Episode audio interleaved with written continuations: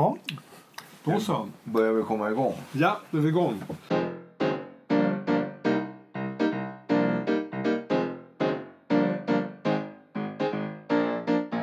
Alltså intressant. Idag skriver Dagens Nyheter så här.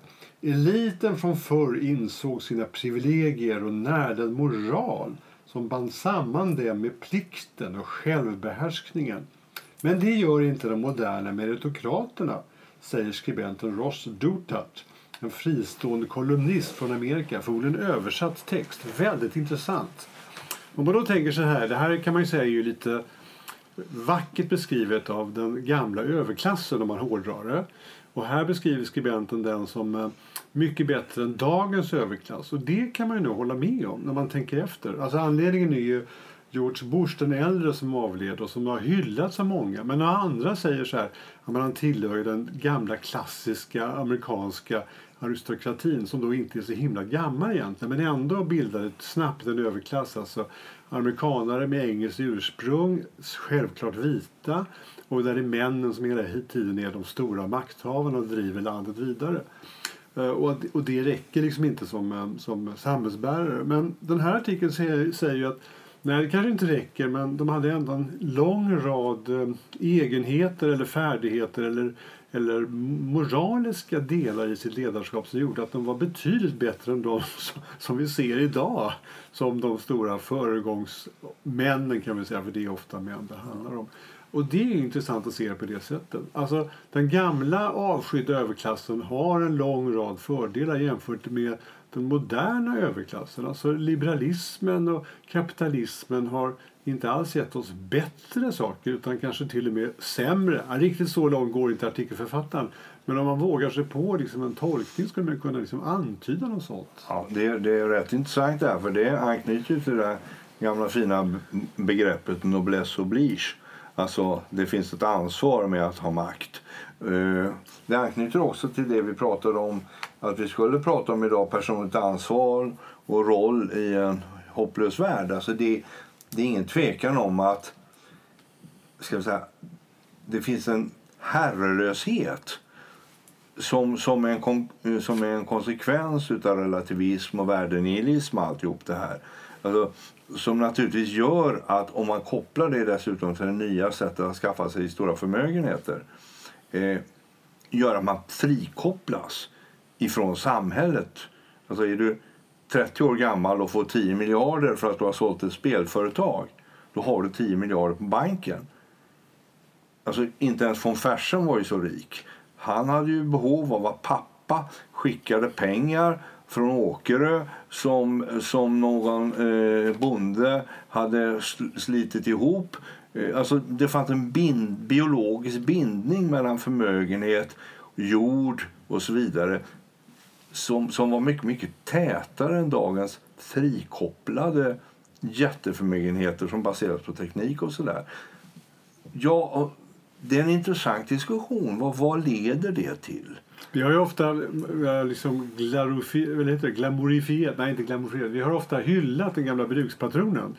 Eh, det var ju förmodligen rätt hårda män. Men vi har ju ändå sagt det, dels i våra samtal, dels gör man ju det i Sverige och antyder liksom att då fanns det folk som, vissa som ägde eh, bruken och drev bruken i, det var familjeföretag på något sätt. Och så hade de en lång rad arbetare omkring sig som, som, som jobbade där under ganska för, svåra förhållanden. Men den goda sidan skulle då vara att här försörjdes liksom några hundra familjer eh, och ganska stadigt. Man visste att hade man en son i familjen så skulle han också få jobb på samma bruk. Så att, det var inte så att man hade jättebra betalt och sådär men det var ändå så ett, ett, ett eh, visst ansvar från brukspatron eh, även ner till, det, fann, till ja. det arbetande folket. Ja, det fanns ett totalt ömsesidigt biologiskt beroende ja, faktiskt. Alltså det var en symbios. Och naturligtvis så fanns det mer eller mindre goda och mer eller mindre onda i den här kedjan på båda sidor så att säga. Men gick man för långt åt något håll då bröts ett kontrakt mm. och då rasade bruket ihop. Mm. Och om ägaren var för grym eller om någonting annat hände. Och det där är klart att det ledde ju fram då till en form av implicit överlägsenhet. Vi hjälper de fattiga, vi hjälper de svaga. Eh, men tanken att hjälpa fanns ju hos väldigt många av de här människorna. Mm. Helt enkelt därför man var beroende av varandra men också därför att det fanns en massa högre värden före värdenihilismen. Man trodde på Gud, man trodde på rätten att, göra, Mm. att vikten av att göra rätt och så vidare. Och det är klart att den där mixen, vi uppfattar ju den som arkaisk och oönskad. Mm, Vi vill inte leva på eh, ska säga, välgörenhet, vi vill leva på frihet så att säga. Men det är klart att i vissa lägen kanske den moderna formen av elitism är kallare och, och eh, på sätt och vis farligare. Ja, om man tänker sig då, alltså det, det är inte så goda bruket. Det var en massa, en lång rad människor med dålig utbildning som hade jobb. Men som hade illa betalt. Och så hade man en brukspatron som man kämpade med hela tiden för att få bättre betalt eller bättre arbetsvillkor och sådana saker. Och sen Och så- hade man ju en elit också. Man hade några vallonska smeder Ja, som kom från. Belgien och som, som var lite speciella Ja. och, och, och, hade ett läge emellan de här två grundgrupperna så att Mm. säga.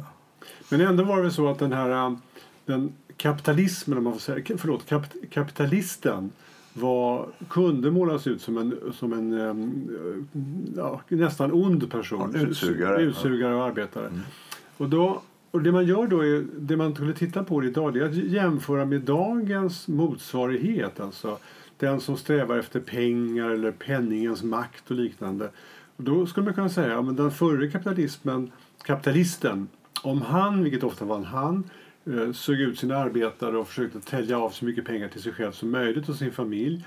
Så den moderna kap- kapitalisten har, eh, har inga arbetare alls Nej. på något sätt. Han är frikopplad därför han det uppfanns ju för 30 år sedan det här begreppet shareholder value.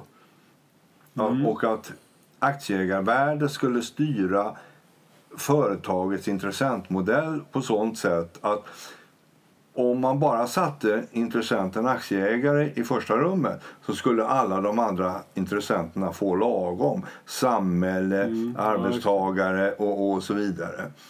Och det finns ju många som, som starkt ifrågasätter den modellen. Nu ser vi ju eh, Christer Gardell han, han har nu sett till att en tredjedel av ASEA, eller ABB som det heter nu för tiden, en av den svenska teknologins höjdpunkter, alltså likströmsöverföring över långa distanser med liten energiförlust. Nu blir det Hitachis. Och det är klart att när man ser på det ur ett ska man säga, gammaldags brukssynpunkt så höjer ju det risken ordentligt för alla Ja, det intressenter gör utom för Christer Gardell. Ja? För han har fått ut sitt aktieägarvärde fullt ut. Mm. Och sen i nästa eh, moment så ska Hitachis aktieägare få ut fullt aktieägarvärde. Och det är ju inte säkert att deras syn på eh, ska Ludvika stämmer med han som faktiskt la högspänningsfabriken i Ludvika en gång. Ja, men det är ett utmärkt exempel på hur, hur eh, den, det, det som vi ser som en det som vi i korta perspektivet ser som en rimlig och, och vettig teknisk industriell utveckling i det lite längre perspektivet visar sig vara liksom en konstig och dålig utveckling egentligen. Därför Ja. att, därför att den, den tappar på något sätt de grundläggande värdena eller, eller de dolda värdena man kalla det för. Och vi svenskar är ju, är ju världsmästare på detta för vi tror ju på allas lika värde i hela världen Mm. och vi tror på internationell handel. Så vi säljer ju utan att blinka våra kronjuveler Just. Mm. till kineser, amerikanare eller japaner. Medan de flesta andra länder har ju lagar som reglerar. Ja, men I Frankrike skulle ju, det skulle inte komma på kartan att man skulle sälja Dassault till japaner. Alltså, därför det skulle franska staten intervenera i. Rätt eller fel, så att säga. Men det finns ytterligare en dimension på det här som jag tycker är intressant. Och det är det. Christer Gardell han har ändå en inkoppling mot en gammal industri. Och där finns det också den här kopplingen ägare, ledning, ingenjörer, arbetare, så att säga. Ja. Men det finns en annan Ort- typ av modern också. Ja. Mm. eh, kapitalist. Det är det här gänget på 30-åringar som har gjort ett jättebra dataspel Mm. och helt plötsligt får 12 miljarder.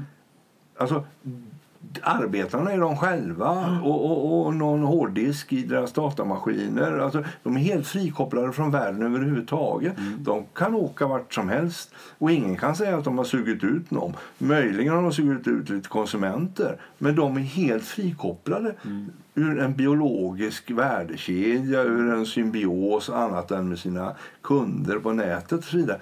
Det, det är ju också någonting som gör alltså, den här de som blir vansinnigt rika utan att det kopplas till jord, industri och så vidare. Alltså bankiren i London, datautvecklaren, mjukvaruingenjören.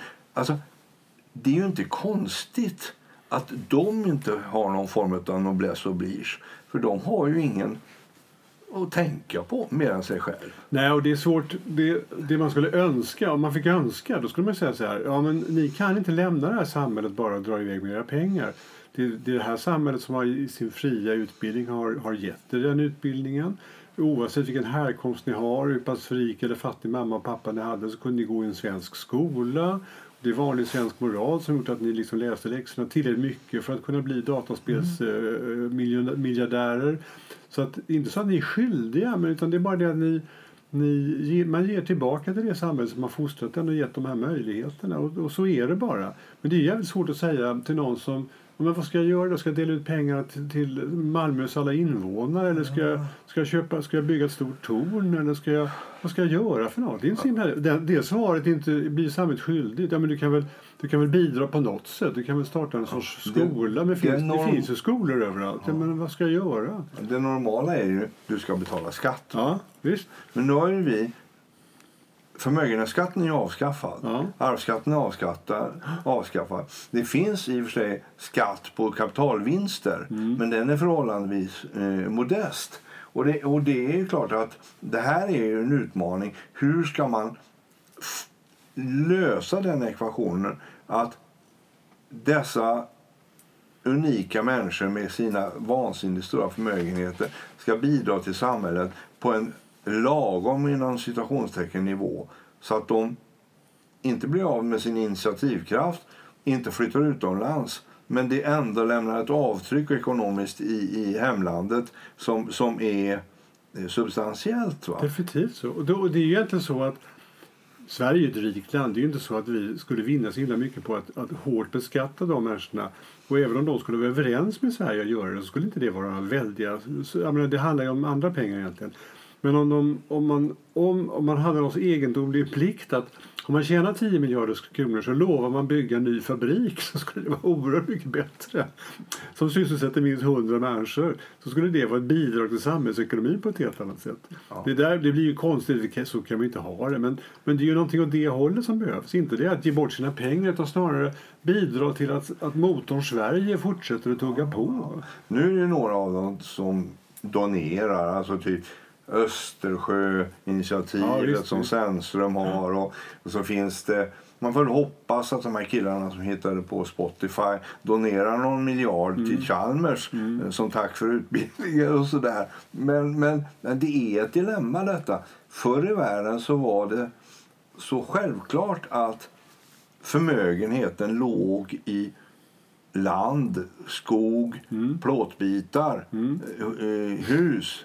Alltså, men, men idag så finns det likvida förmögenheter som är nästan till obegripliga och som är frikopplade från biologin. så att säga. Och Det ställer naturligtvis ett...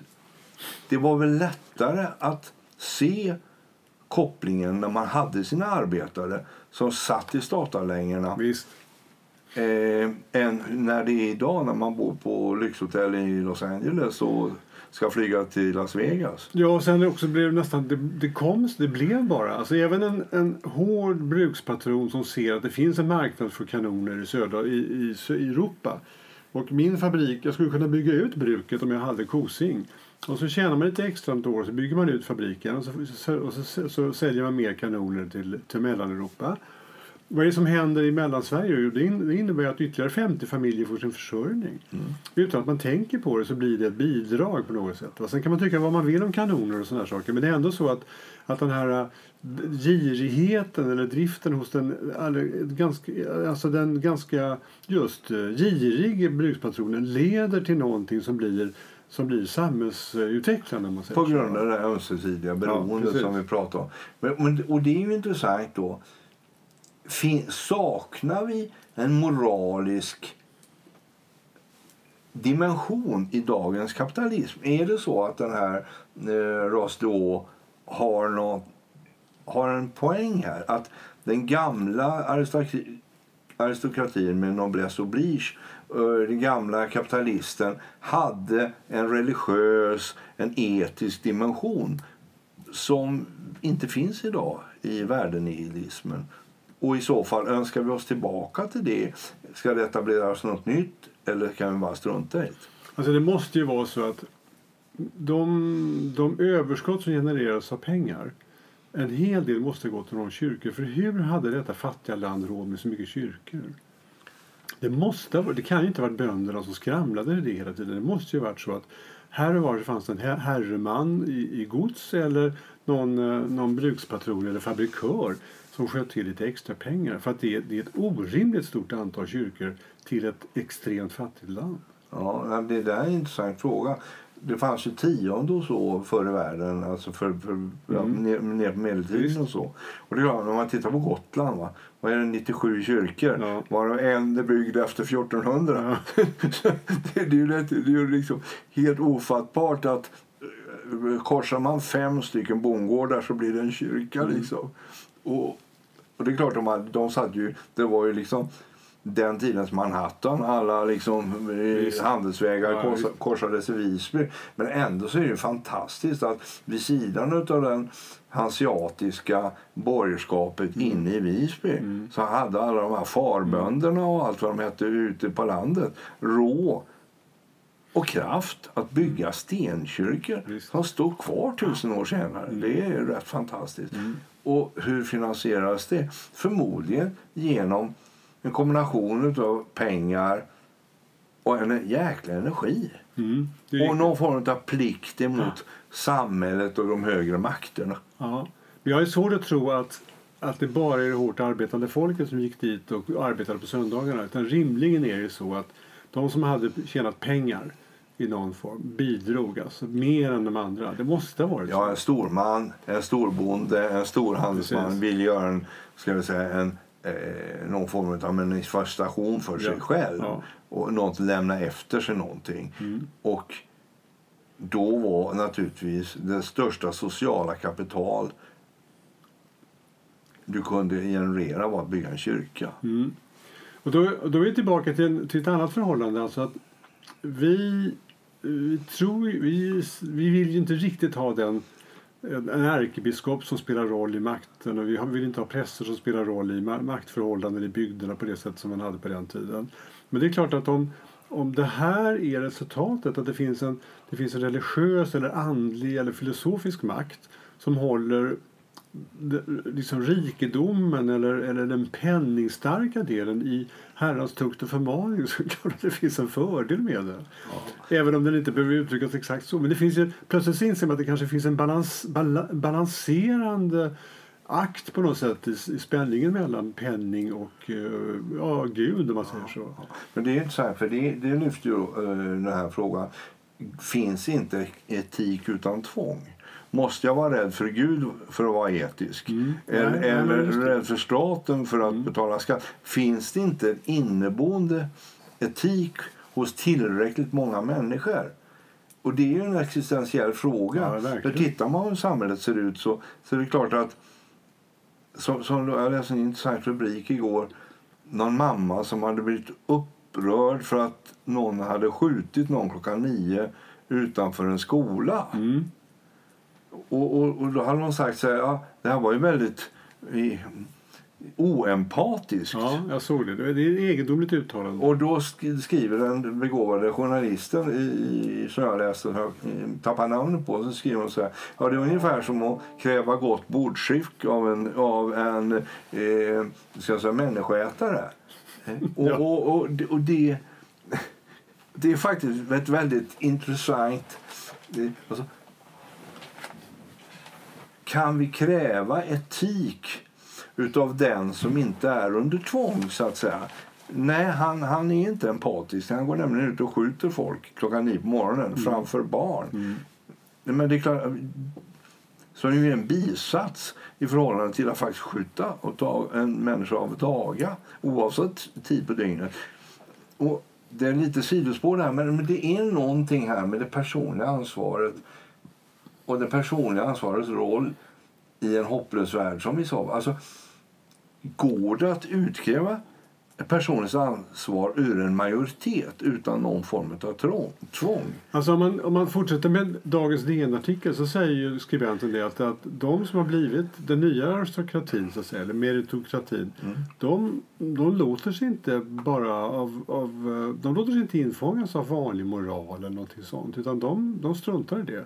Eh, Mer eller mindre medvetet. Det är inte så att den kommer av sig själv på något sätt, bara för att jag har fått pengar. Nej, men Bill Gates han Ja, ger ju visst. bort ungefär lika Ja. mycket som Svenska U-hjälpen Oh ja. privat. Ja. Och det är klart kan man säga, det är ju en lyx eh, konsumtion i godhet på något Absolut. sätt. Men det är ju bättre det än att bygga ett slott med guld och diamanter. Absolut så. Och det är klart att det finns massor med sådana såna undantag. Folk som lever i en, i en så säga, gammalmodig moral i förhållande till sitt samhälle. Men, men den generella bilden är väl kanske tyvärr eh, alltså, alltså tyvärr att det inte är så. Ja, och, det, och då undrar man vad är det som gör det? Är det det att värdenihilismen är en gåva till kapitalisten som inte behöver bry sig? Han kan frikoppla sig från samhället på ett sätt som han inte kunde göra när han inte var fysiskt flyttbar på samma sätt som nu och framförallt inte moraliskt flyttbar. Han fick inte komma med i rätt klubbar. Han fick inte... Alltså var han en svinpäls så uppdagades det förr eller senare och han fick betala ett socialt pris för det.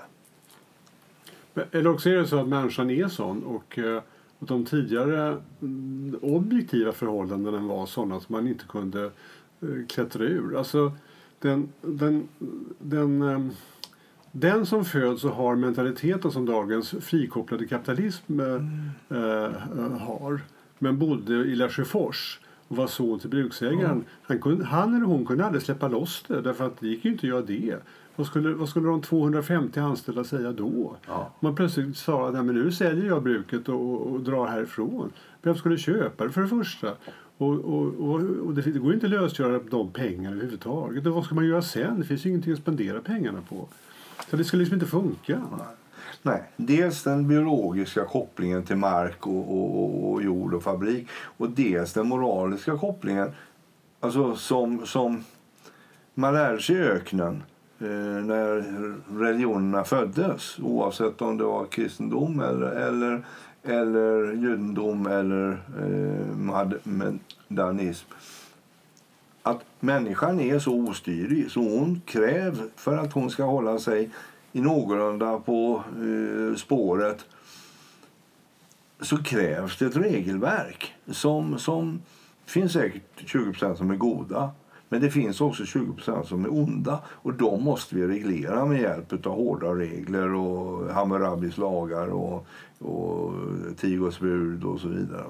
Så det innebär att det här att leva i häradstukt och förmaning det är, det är väldigt riktigt stängt. Ja, på något sätt så är det väl så att våra lagar kommer ju ur en sådan tradition.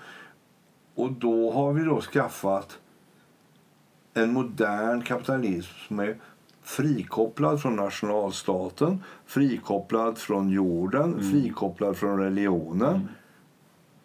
Som kan skaffa sin egen glamourreligion som ja, bara betyder något för dem själva och som gör att de kan göra precis vad tusan som helst utan att ta hänsyn till någon annan.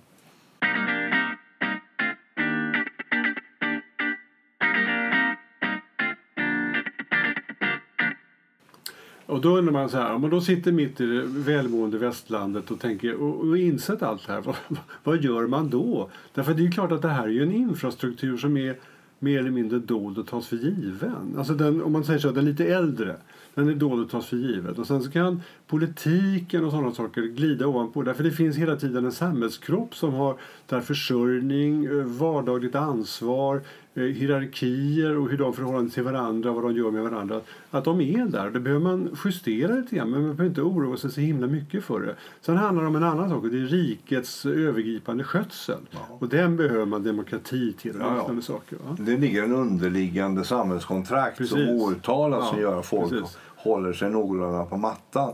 Och då har vi två angrepp eh, mot det här samhällskontraktet. Det ena är en hyperelit som inte regleras utav någon form av samvete inom situationstecken utan seglar ifrån nationalstaterna. Visst? Och sen så under det en migration av människor som också vill ha det bra. Mm. Som trycker på. Och mellan de här två krafterna så finns det ska jag säga, medelklassamhället som yrvaket undrar vad fasen är det som händer. Ja, riktigt. Mm. Och då är frågan, kan det här medelsamhället skaffa sig korrektiv som gör att man kan kontrollera både de som seglar iväg Ja. och de som eh, vill upp? Ja, och förse dem med ett, med ett drägligt liv, alltså Ja. ett anständigt liv på något sätt. Ja. Och, och det är väl det som vi i Sverige har försökt att göra då. Mm. Och som famlar lite yrvaket omkring i de flesta andra länder som Danmark och så vidare, de är lite mer ska jag säga, realistiska inom citationstecken då. Eh, och, och säger att det här är utmaningar, nu tar vi hand om det och så gör vi si och så. Medan vi i Sverige säger ja men det här måste ju människor själva kunna finna en bra väg i. Och så blir det lite ostyrigt och lite yrvaket. Ja, men jag gissar, jag gissar också att man ser, om och om igen när vi tittar tillbaka på de svenska 50 eller 100 åren så har ideligen det här kanske snarast intuitivt inträffat. Det finns ju, det finns ju liksom en, en klass, vad ska man säga, modern klassisk bild av att Socialdemokraterna alltid har väldigt bra kontakter med familjen Wallenberg. Och det gissar jag är en sån här eh, intuitiv eh, reaktion bara. Man inser att där finns en sån makthavare som ändå går att prata med och de har, de har just stort inflytande över det här som vi pratar om. Det gäller, och då är det naturligtvis så att där jobbar alla våra medlemmar, där jobbar de som röstar på oss. Och det här måste vi se till att det fungerar. Vi måste veta vad de tycker och vi, de måste veta vad vi tycker. Och kan vi hitta någon form av någon sorts hemlig allians oss emellan när det gäller moral eller syn på samhällsutvecklingen så skulle det kunna vara väldigt bra för vårt land. Ja, så är det, så är det naturligtvis. Eller sannolikt. Och då är frågan hur gör man motsvarande kommunikation när han som är nästa generations Wallenberg Precis. sitter i Silicon Valley Visst. och har ett världsmonopol Exakt. och dessutom inte är någon riktigt trevlig människa Nej. som ägaren till Facebook. Ja, som, som ju faktiskt är lite knepig. Va? Ja, ja. Eh, hur reglerar man att han gör något? Don't be evil som det heter hos Google. Mm. Men man kanske blir evil vare sig man vill eller ej. Och man blir världsdominerande. Ja. Jättekrångligt. Jätte, fruktansvärt krångligt. Och, jag, och då, och, mm, ja, hur ska en regering göra? Eller hur ska statsmakten göra? Eller hur ska överheten göra? Alltså, det är otroligt krångligt. Jag, vet inte, jag har inga svar. Alltså jag tror att svaret är inte regeringen och kapitalisten utan svaret är folket. Va? Alltså, vi måste själva frigöra oss på något sätt eh, ur de här monopolistiska beroendena. Det är som, jag läste en annan artikel i veckan. Någon som hade någon kåseri, någon som hade varit i Frankrike och käkat middag på restaurang med lite polare. Och som hade slagits av det att vi satt i tre timmar och ingen tog upp mobilen. Mm. För det gör man inte i Frankrike när man käkar middag. Och, och såg detta som en total uppenbarelse. Men himmel och pannkaka, det finns alltså folk som inte är på Twitter och Facebook Hela 24-7. Nämligen fransmän, för de tror fortfarande att man kan diskutera Derrida och Foucault på allvar utan att ta upp mobilen. Och det, det blir ju ganska befriande. Men å andra sidan, så går ju fransmännen ut. De lever i ett av världens tio rikaste länder. De har allt. De har 56 procent utav, utav sin eh, produktion i, eh, av BNP ligger i, i, i folkets händer genom, genom, sta, genom skatten. Och de rusar omedelbart ut och river eh, skyltfönster, eh, skickar ut eh, jordbruksfekalier på, på eh, mejerierna och så vidare så, så fort de blir förbaskade. Va? Eh, Alltså, det, finns, det är också out of proportion på något sätt. Ja, ju. Finns det inget lagom? Nej, det finns det inte. Uppenbarligen. Nej, men, men du har rätt i det. Det är, klart att det, handlar om, det är klart att det handlar om folket. Det går inte att tro att regeringen skulle kunna liksom lägg, lägga ny moral över landet. Något sånt där, va? Det, det, är ju liksom, det är ju förbjudet verkligen. Att tänk, ens tänka en sån tanke. Det skulle aldrig funka. Utan det måste komma. Men, men, men frågan är vad det, vad det skulle kunna vara. Alltså den, den moraliska folkrörelsen, hur ser den ut? Och hur, och hur, vilken färg tar det? Som inte är brunskjortor eller, eller främlingsfientlighet och sådana saker. Ja. För, för en socialist är det sannolikt enkelt. Va? För alltså, Göran Greider skulle förmodligen säga ja, men det är ju bara det att vi tar makten ifrån kapitalisten. Problemet är ju det att sannolikheten för att det blir mer välstånd ökar ju verkligen Nej, inte i ett sådant system. nej. Därför att de här 20 procenten som tar initiativ och skapar bruk, de sticker ju. Mm, så. Eller så blir det kontroll och angiverisamhälle och så vidare. Visst. Det är en jättesvår, jättesvår eh, nöt att knäcka. Och jag hamnar väl som vanligt i någon form av gammaldags svensk socialliberal eh, folkhemstanke. Eh, någon form av kontrakt mellan eh, ja, den svenska modellen helt enkelt. Eh, det var det att den svenska modellen förutsätter ju parter. Mm. Och när en av parterna är totalt frikopplad, Ja, både visst. ekonomiskt och Ja, geografiskt, Mm. så är det svårt att hantera. Och då måste vi ha en internationell svensk modell. Mm. Och det är ju något som fransmännen förespråkar. Det måste vara internationell eh, skatt på, på, på immaterialrättigheter. Det måste finnas en internationell eh, miljöskatt. Det måste finnas en Tobin-skatt Mm. som tar pengar från de absolut rikaste. Och det är inte omöjligt att det är så att fram tills vi har hittat ett system som kan hantera de här tre kontrollmekanismerna så kommer vi ha ganska ostyrigt. Då kommer vi att helreglerat Kina där, Mm. ett förvirrat Europa här och ett totalfritt USA där. Alltså, Ja. Men, jag, men jag kan inte låta bli att komma Jag måste fundera på den, den, va, den gamla vanliga svenska bruksorten. Alltså, om vi ser den framför oss. Den, är- den, ibland, det är inte alltid ett bruk. Det var ju, ibland är det ju en skofabrik. eller- Ni vet själv. Så, så finns det ju flera sådana orter i Sverige där det herrelösa består i att fabriken inte finns längre. Eller också är det en liten, liten utvecklingsavdelning bara. Men den här att det gick som likt några hundra människor och därmed flera hundra människor som var försörjda av ett ställe. Att den, den strukturen finns inte längre. Och det innebär ju också att den här, den här som man kunde vara arg på eller någon som man kunde klaga på eller någon man skulle förhandla med när det gäller löner eller anställningsförhållanden är inte där längre. Det finns inte. Utan de som då tidigare hade sin försörjning där de åker till en by bredvid eller de har blivit, några har blivit uppsugna därför att den offentliga sektorn har vuxit. Eh, eller de försöker ta sig fram i, som, i, som, som mindre egna företagare på något sätt. Alltså det blir, men det är lite mer hankande sig fram än att man liksom tillhörde bruket och de sidonäringarna som fanns runt bruket.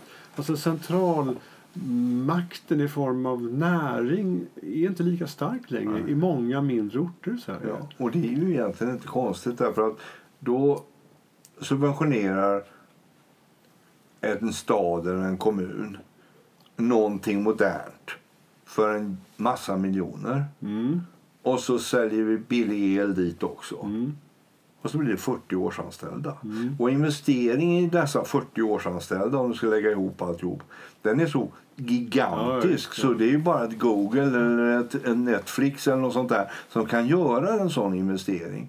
Och, och, och det där blir ju då en utmaning därför att samtidigt så krävs ju en enorm social service i samhället. ja. Vi, vi har avgångar i hela socialsektorn på hundratusentals arbetstillfällen. Mm. Och då gäller ju att det finns någon som pumpar in så pass mycket i systemet så att vi har råd att anställa de här hundratusentals människorna Mm, i det sociala systemet. Och finns det då ingen Tobinskatt och ingen, Nej. ingen energiskatt och ingen, ingen immaterialrättsskatt eller vad det nu är. Då finns det inga pengar till det. Nej. Nu lever vi i en mellantid där det finns både det internationella och det lokala. Mm. Men det lokala minskar ju. Det är ju inte bara eh, liksom Degerfors som är hot- hotat Nej, utan även Uppsala och Stockholm är Ja, hotat just. Mm. så att säga, i det långa, långa loppet. Så att säga. Ja, men så är det. Det, enda man möjligen skulle kunna ta upp då som, ett, som en hopp, förhoppning det är ju det, det lär ju vara så att i, runt i Småland, alltså i den så kallade Gnosjöandan så finns det också ett, eh, ett återuppväckande av industri hela tiden. Alltså det, det dyker upp nya. Det finns liksom struktur i vad ska man kalla det för, i mentaliteten eller i bakgrunden eller i syn på sig själv eller i, eh, i liksom väl, extremt liten bruksanda på något sätt som gör att att man liksom klarar sig ganska bra ändå. Det, Ja. det, man låter inte det centrala bruket läggas ner och sen så undrar vad man ska göra utan det, det dyker upp små enheter hela tiden. Och det är, en, det är en annan anda helt enkelt. Ja, och det där kan man ju verkligen hoppas på. Men samtidigt är det ju så att om du kan ersätta 20 anställda med en 3D-printer Mm, visst. så gör du ju Ja, det. Va? Ja, ja. Alltså, och, och det är klart att, att, det är den tekniska utvecklingen och det som jag brukar tjata om, avtagande gränsnytta med mänsklig arbetskraft. Det är ju två saker som står lite emot varandra. Mm. Det absolut. Det som är det bra i det här det är ju det att vårdbehovet Mm. minskar ju inte. Att ta hand om varandra behovet minskar inte. Behovet att någon som klipper hår och tar hand om oss på, på ålderdomshemmet minskar inte. Men på något sätt måste 3D-maskinen beskattas på sådant sätt att det blir pengar över till hårklippning av, av åldringar så att säga. Och det där har vi ju inte löst. Va? Vi, vi har löst vinstbeskattning. Men vi tar ingen löneskatt av 3D-printern. Nej. Men tillbaks då. Ehm, och, och på sätt, om vi tänker oss då om igen den här den fritt flygande, väldigt rika kapitalisten som längre inte är knuten till ett gammalt stålverk eller järnverk. Alltså, även om den, jag skulle ändå vilja säga, och även om den personen eller den gruppen vi lyckades hitta någon form av skatt som gjorde att han eller hon medvetet betalade in väldigt stora summor till statskassan. Det gör de ju redan. Men om vi tänker oss att man kunde göra ännu mer. Så jag är inte säker på att vi löser det här ändå. För det blir ändå så att de inte hänger ihop på något sätt. Det, det räcker inte med bara pengaöverföringar. Det måste till... Ett moraliskt Moral, an, ansvar också. Därför att pengaöverföringarna, om det skulle bli Tobinskatt, den skulle ju inte gå till rika svenskar i första hand. Den skulle ju gå till fattiga nigerianer i rättvisans Ja, namn. mm? Och inget ont i det, för, därför att nigerianer behöver förmodligen pengarna Ja, mer ja, än vi, ja, i alla fall just nu. Och det gör det att då är vi tillbaka till det här. Finns det ett värde i att tycka ja men jag har ändå fått min utbildning på Chalmers eller på KTH så jag, jag är skyldig Sverige lite tillbaka för dagistiden och med, eh, kommunala musikskolan och, och så vidare. Och hantera det på ett sätt så att det blir både konstruktivt och ekonomiskt rimligt för landet och för individen. Ja, det är ingen lätt pilsner. Om man tittar, alltså jag läste idag Avicii lämnar då i tidig 30-årsålder efter sig 225 miljoner kronor till mamma och pappa. Alltså, det är faktiskt ganska fantastiskt. Mm. Alltså, han har då på några år skrapat ihop mer pengar än familjen Wallenberg har Mm. i likvida medel. Alltså, familjen Wallenberg är naturligtvis rikare i kraft av alla eh, ska jag säga, företag de äger. Men, men Rena 225, kontanter, ja, visst. 225 miljoner på banken, det, det är inte många som har det. Ja. Och, och då blir det naturligtvis det är ingen arvsskatt på det. Det hade vi haft för 20 år sedan. Är, är det orimligt att vi inte har det längre nu när pengarna är så likvida och så herrelösa? Är att vi tagit bort kapitalskatt och arvsskatt så kopplat till det gamla industrisamhället Mm, det. så att vi skulle behöva återuppfinna någon form av avkastningsskatt på fritt kapital som dyker upp hos entreprenörer. Eh, Vet inte, men, men på något sätt så, så är det lite utmanande. Ja, det är det. Det är det verkligen. Och, och, men, men om igen, till det skulle man då önska sig att, eh, att uh, den som har tjänat de här pengarna också känner ett eh, ansvar eller en moral på något sätt. Förutom att han eller hon beredvilligt skulle, skulle säga ja till en ny förmögenhetsskatt i någon form. Jo, och då frågar vi oss Ska det vara en individuell moral Mm, eller ska det vara en kollektiv moral? Ja. Och där är det ju så att som liberal så ser man ju framför sig hellre en individuell moral. Ja. Och som socialist ser man hellre framför sig självklart som en kollektiv moral. Mm. Alltså, om inte f- det finns en förmåga hos individen att lämna ifrån sig tillräckligt då är det samhällets plikt att se till Mm. att alltså, från var och en efter förmåga till var och en efter behov så Mm. att säga. Utan att jaga bort den nya kreativ- kreativiteten. Mm.